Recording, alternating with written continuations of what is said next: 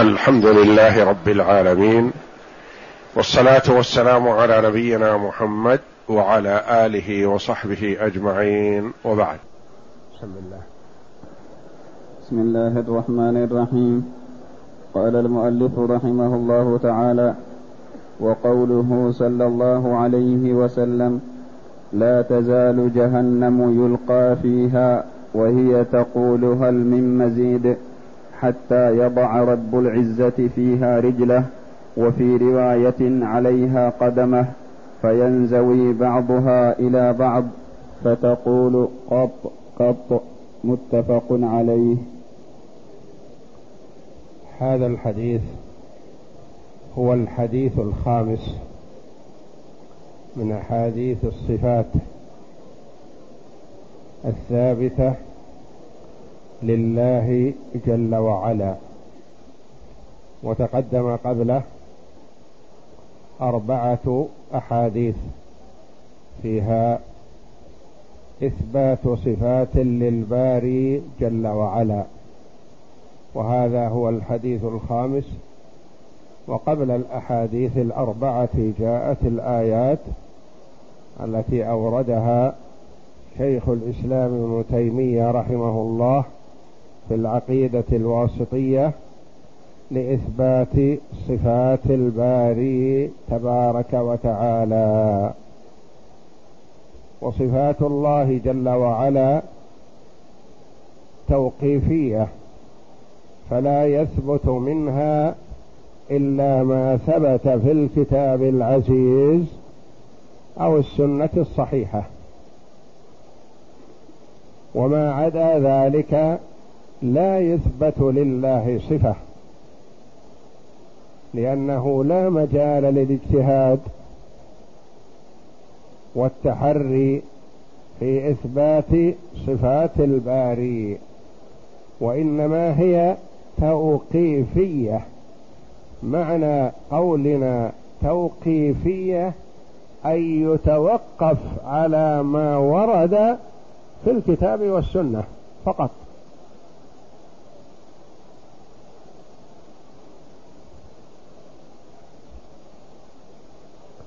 وهذا الحديث الخامس وهو حديث متفق عليه.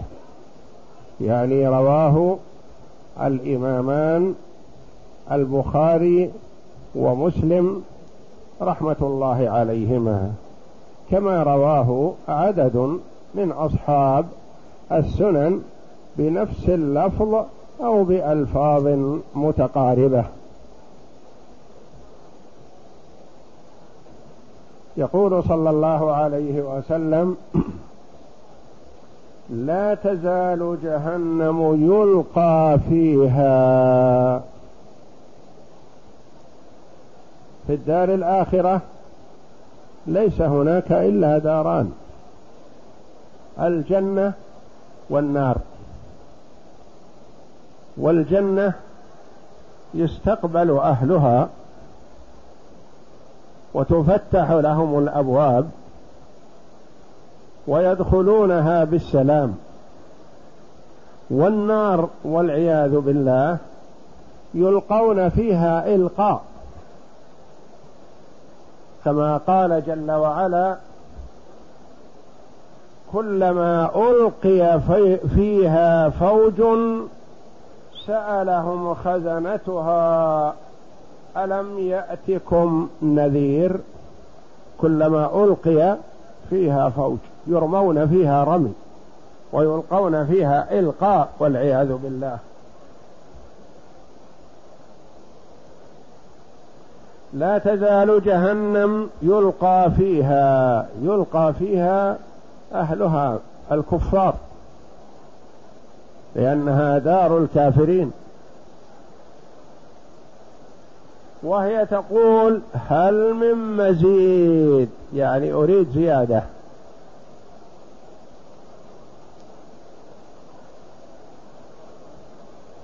أريد زيادة وتطلب الزيادة.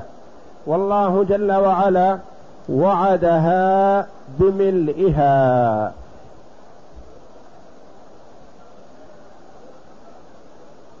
وعد النار بملئها.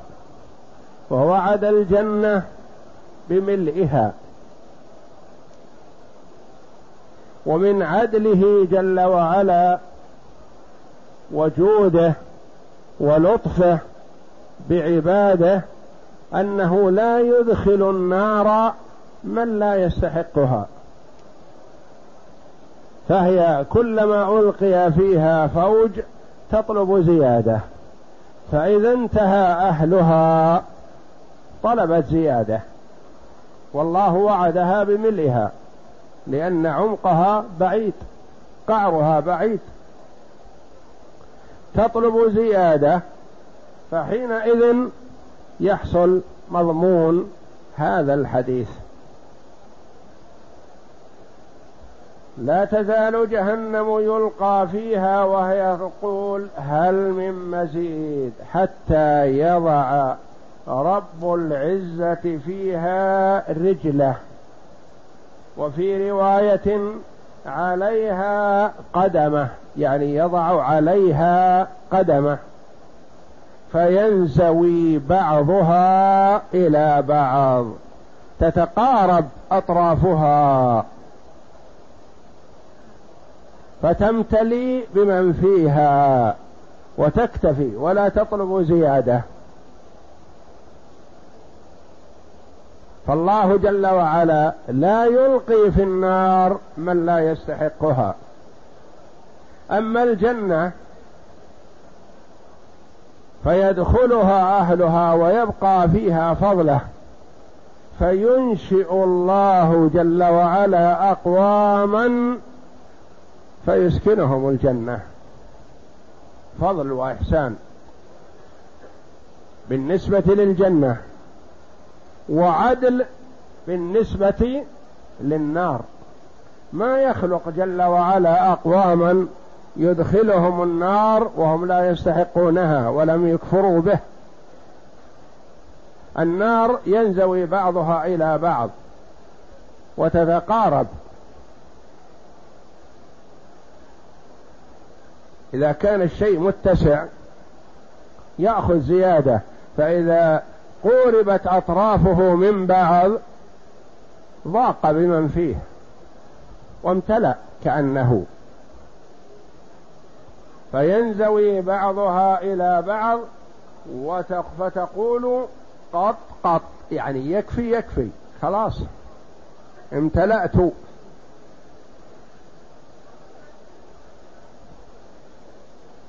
أما الجنة فيدخل الله فيها المؤمنين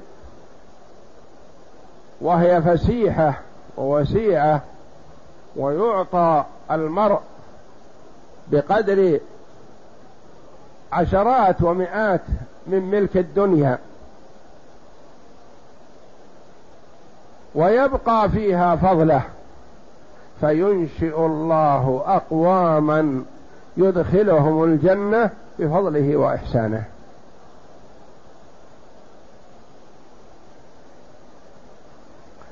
الشاهد عندنا في هذا الحديث إثبات صفة الرجل لله تبارك وتعالى. إثبات صفة القدم لله جل وعلا.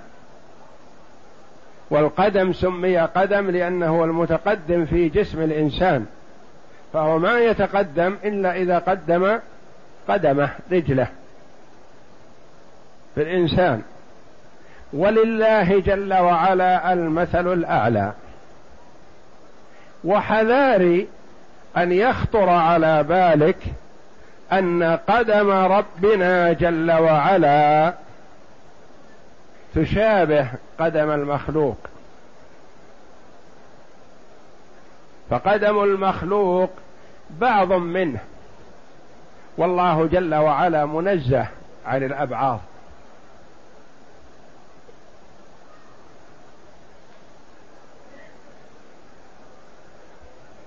فلا يخطر على البال أن قدم ربنا جل وعلا كقدم المخلوق.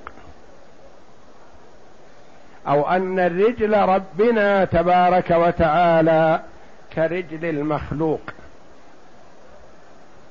والناس في هذه الصفة وما شابهها ثلاث طوائف. وفي جميع صفات الباري تبارك وتعالى. ثلاث طوائف. طائفة أثبتت وشبهت. والله منزه عن هذا. وطائفة نزهت فعطلت.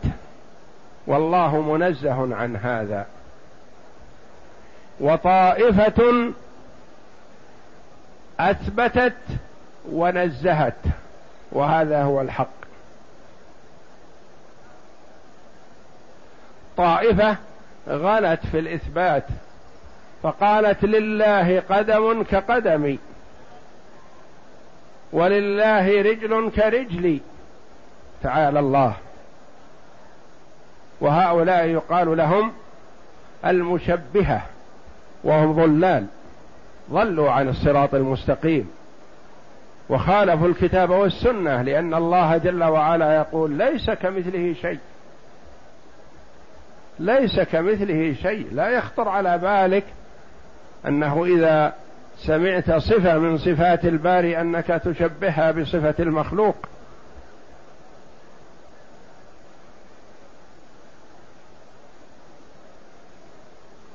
هذه الطائفة الأولى. الطائفة الثانية تصورت التشبيه أولا. ثم نزه الله عن التشبيه. ثم ترتب على هذا التعطيل. نفوا. قالوا لا ما يمكن نقول أن لله رجل لأن إذا قلنا لله رجل أصبح كالمخلوق له رجل. هل أنتم أعلم بالله من رسول الله صلى الله عليه وسلم الذي أثبت لله الرجل ماذا تقولون في الرجل؟ يقول الرجل شيء يرسله الله جل وعلا نسبه إليه مثل ما أرسل إلى أيوب رجلا من جراد من ذهب. فالرجل تطلق على الشيء شيء ما. من ذهب أو نحاس أو جراد أو طيور أو غير ذلك يقول لها رجل من كذا. وهل يليق أن ينسب هذا الرجل الذي يرقى في النار مثلا أن ينسب إلى الله؟ لأنه لا ينسب إلى الله رجله لأن في الحديث رجله. وفي رواية عليها قدمه. فهذه الرجل التي إذا صارت شيء منفصل شيء مخلوق ينسبها الله جل وعلا إليه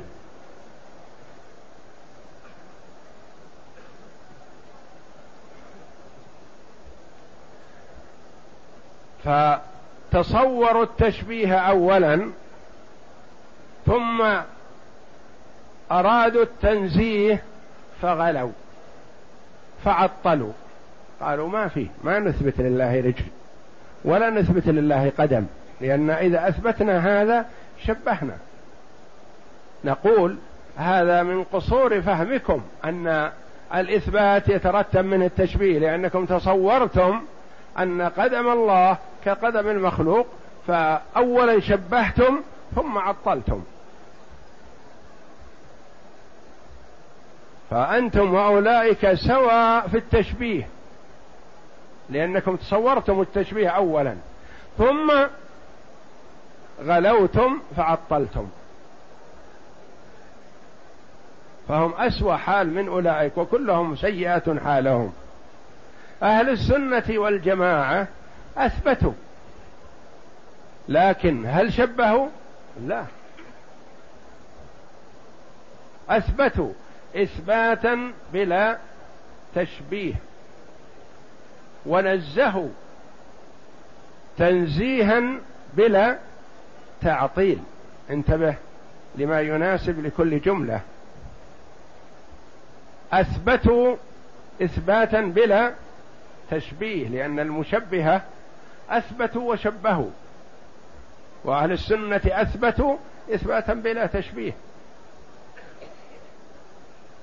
المعطلة يزعمون أنهم نزهوا أهل السنة ينزهون تنزيها بلا تعطيل لأنه ترتب على تنزيه المعطلة أنهم نفوا وعطلوا. فأهل السنة والجماعة وسط بين طائفتين ضالتين في باب الأسماء والصفات. الطائفة الأولى شبهوا فضلوا. الطائفة الثانية عطلوا فهلكوا. أهل السنة والجماعة أثبتوا إثباتا بلا تشبيه. ونزه الله جل وعلا عن صفات المخلوقين تنزيها بلا تعطيل ما يترتب عليه تعطيل. ننزه ربنا جل وعلا عن صفات المخلوقين لكن ننفي الصفات؟ لا هذا النفي تعطيل ليس بتنزيه. وهكذا في سائر الصفات أهل السنة والجماعة وسط بين الطائفتين.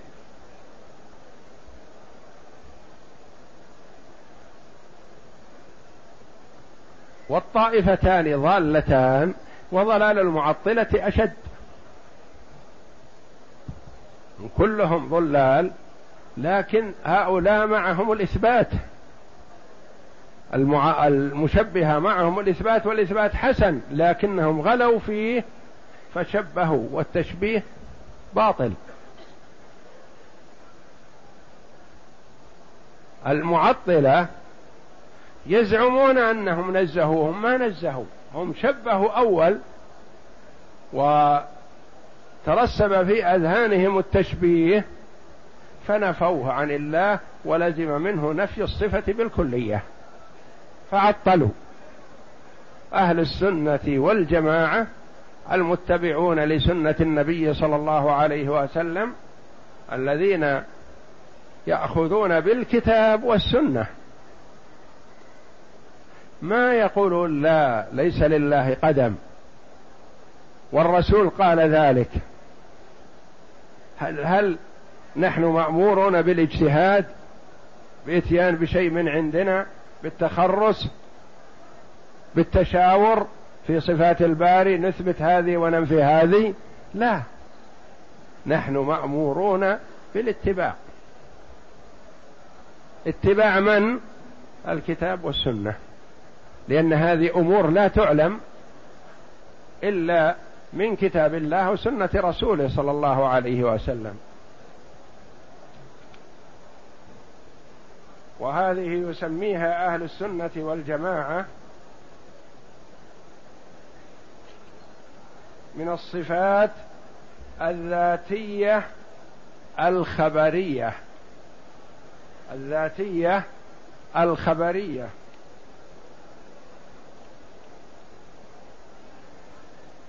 لأنها لا تعلم إلا بالخبر الصادق. ما تعلم بإدراك العقل ولا بغيره.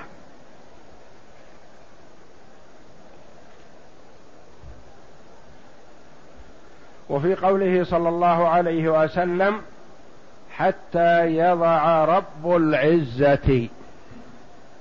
رب تأتي بمعنى خالق وبمعنى صاحب.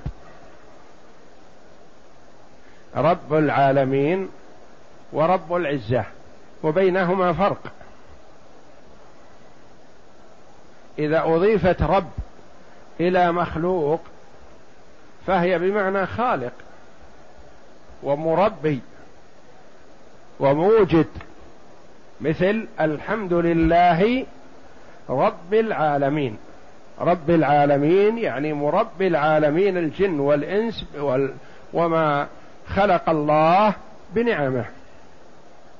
بمعنى خالق ومربي وموجد. رب العزة لا لأن العزة صفة. من صفات الله جل وعلا وصفات ربنا غير مخلوقة وإنما رب العزة هنا بمعنى صاحب. صاحب العزة صاحب الجبروت صاحب الكبرياء صاحب العظمة. وهكذا. فكلمة رب تطلق بمعنى صاحب كذا وتطلق بمعنى خالق. مثل ولله جل وعلا المثل الأعلى قول عبد المطلب أنا رب إبلي. هل هو خالق الإبل؟ لا وإنما يقول أنا صاحب الإبل. أنا رب إبلي صاحب إبلي هي لي. وللبيت رب يحميه حماه جل وعلا. فرب تأتي بمعنى خالق وبمعنى صاحب. وهنا بمعنى فإذا أضيفت إلى صفة من صفات الباري جل وعلا فهي بمعنى صاحب. وإذا أضيفت إلى مخلوق فهي بمعنى خالق. حتى يضع رب العزة فيها رجله. وفي رواية من الروايات في الصحيحين عليها قدمه يضع عليها. يضع عليها. يأتي تأتي فوقها. قدمه والقدم والرجل سيان. فينزوي بعضها إلى بعض يتقارب. وتكتفي بمن فيها. فتقول إثبات القول للنار. والله جل وعلا على كل شيء قدير. فإثبات القول للجماد النار تتكلم. إثبات قدرة الله جل وعلا على إيجاد ما شاء فلا يكون المخ... القول للحي المتكلم وإنما يكون بأمر الله جل وعلا لمن شاءه. فتقول قط قط يعني يكفي يكفي. متفق عليه. رواه البخاري ومسلم عن أنس بن مالك رضي الله عنه.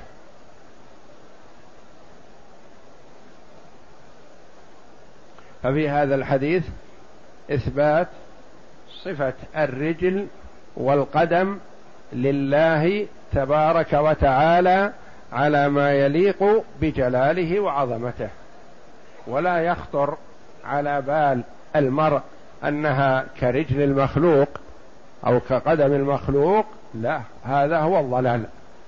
وإنما المؤمن يثبت الصفة لله تبارك وتعالى ويقول على ما يليق بجلاله وعظمته كما تقدم في إثبات الضحك والعجب وغير ذلك من صفات الباري جل وعلا والنزول وغيرها وجميع صفات ربنا لا تشبه ولا تماثل ولا تقارب صفات المخلوقين.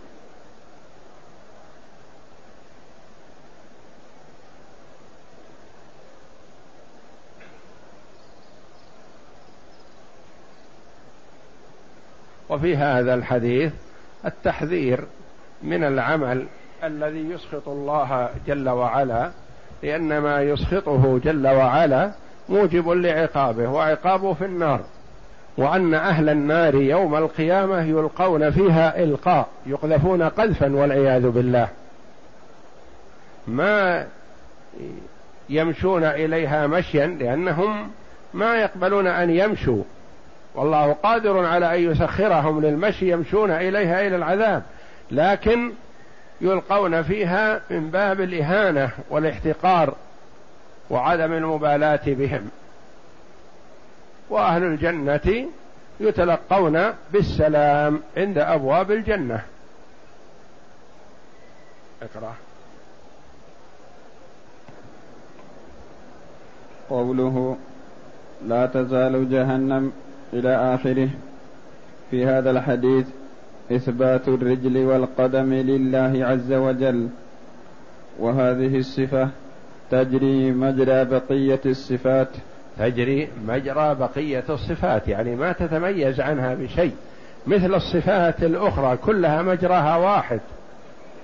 أن المؤمن يؤمن بالصفة ويثبتها لأنها ثبتت مثل هذه ثبتت بالسنة الصحيحة. لا أصح من صحيحي البخاري ومسلم وهذا الحديث فيهما. وبعض الصفات أو جل الصفات ثبتت بالكتاب العزيز. نعم. فتثبت لله على الوجه اللائق بعظمته سبحانه. فتثبت لله على الوجه اللائق. الحذر من أن يثبتها المرء على تصور أنها تشبه صفات صفات المخلوقين. تعالى الله. نعم. والحكمة في وضع رجله سبحانه في النار أنه قد وعد أن يملأها كما في قوله تعالى لأملأن جهنم من الجنة والناس أجمعين. والله جل وعلا لا يخلف وعده وعدها بملئها فهي تريد ما وعدها به ربها وتطلب الزيادة. فإذا وضع عليها قدمه جل وعلا انزوى بعضها إلى بعض. نعم. نعم. ولما كان مقتضى رحمته وعدله ألا يعذب أحدا بغير ذنب وكانت النار في غاية العمق والسعة. يعني وسيعة وعميقة بعيدة القعر والعياذ بالله. ويقذف فيها الناس والناس يتفاوتون. كما قال الله جل وعلا أدخلوا آل فرعون أشد العذاب. دل على أن العذاب في النار متفاوت. متفاوت. وقد قال عليه الصلاة والسلام أخف أهل النار عذابا يوم القيامة أبو طالب له نعلان أو شراكان من نار يغلي منهما دماغه. نعم. حقق وعده تعالى فوضع فيها قدمه فحينئذ يتلاقى طرفاها ولا يبقى فيها فضل عن أهلها. يعني تمتلئ. نعم. وأما الجنة فإنه يبقى فيها فضل عن أهلها مع كثرة ما أعطاهم وأوسع لهم فينشئ الله لها خلقا آخرين كما ثبت بذلك الحديث. والله أعلم وصلى الله وسلم وبارك على عبده ورسول نبينا محمد وعلى آله وصحبه أجمعين.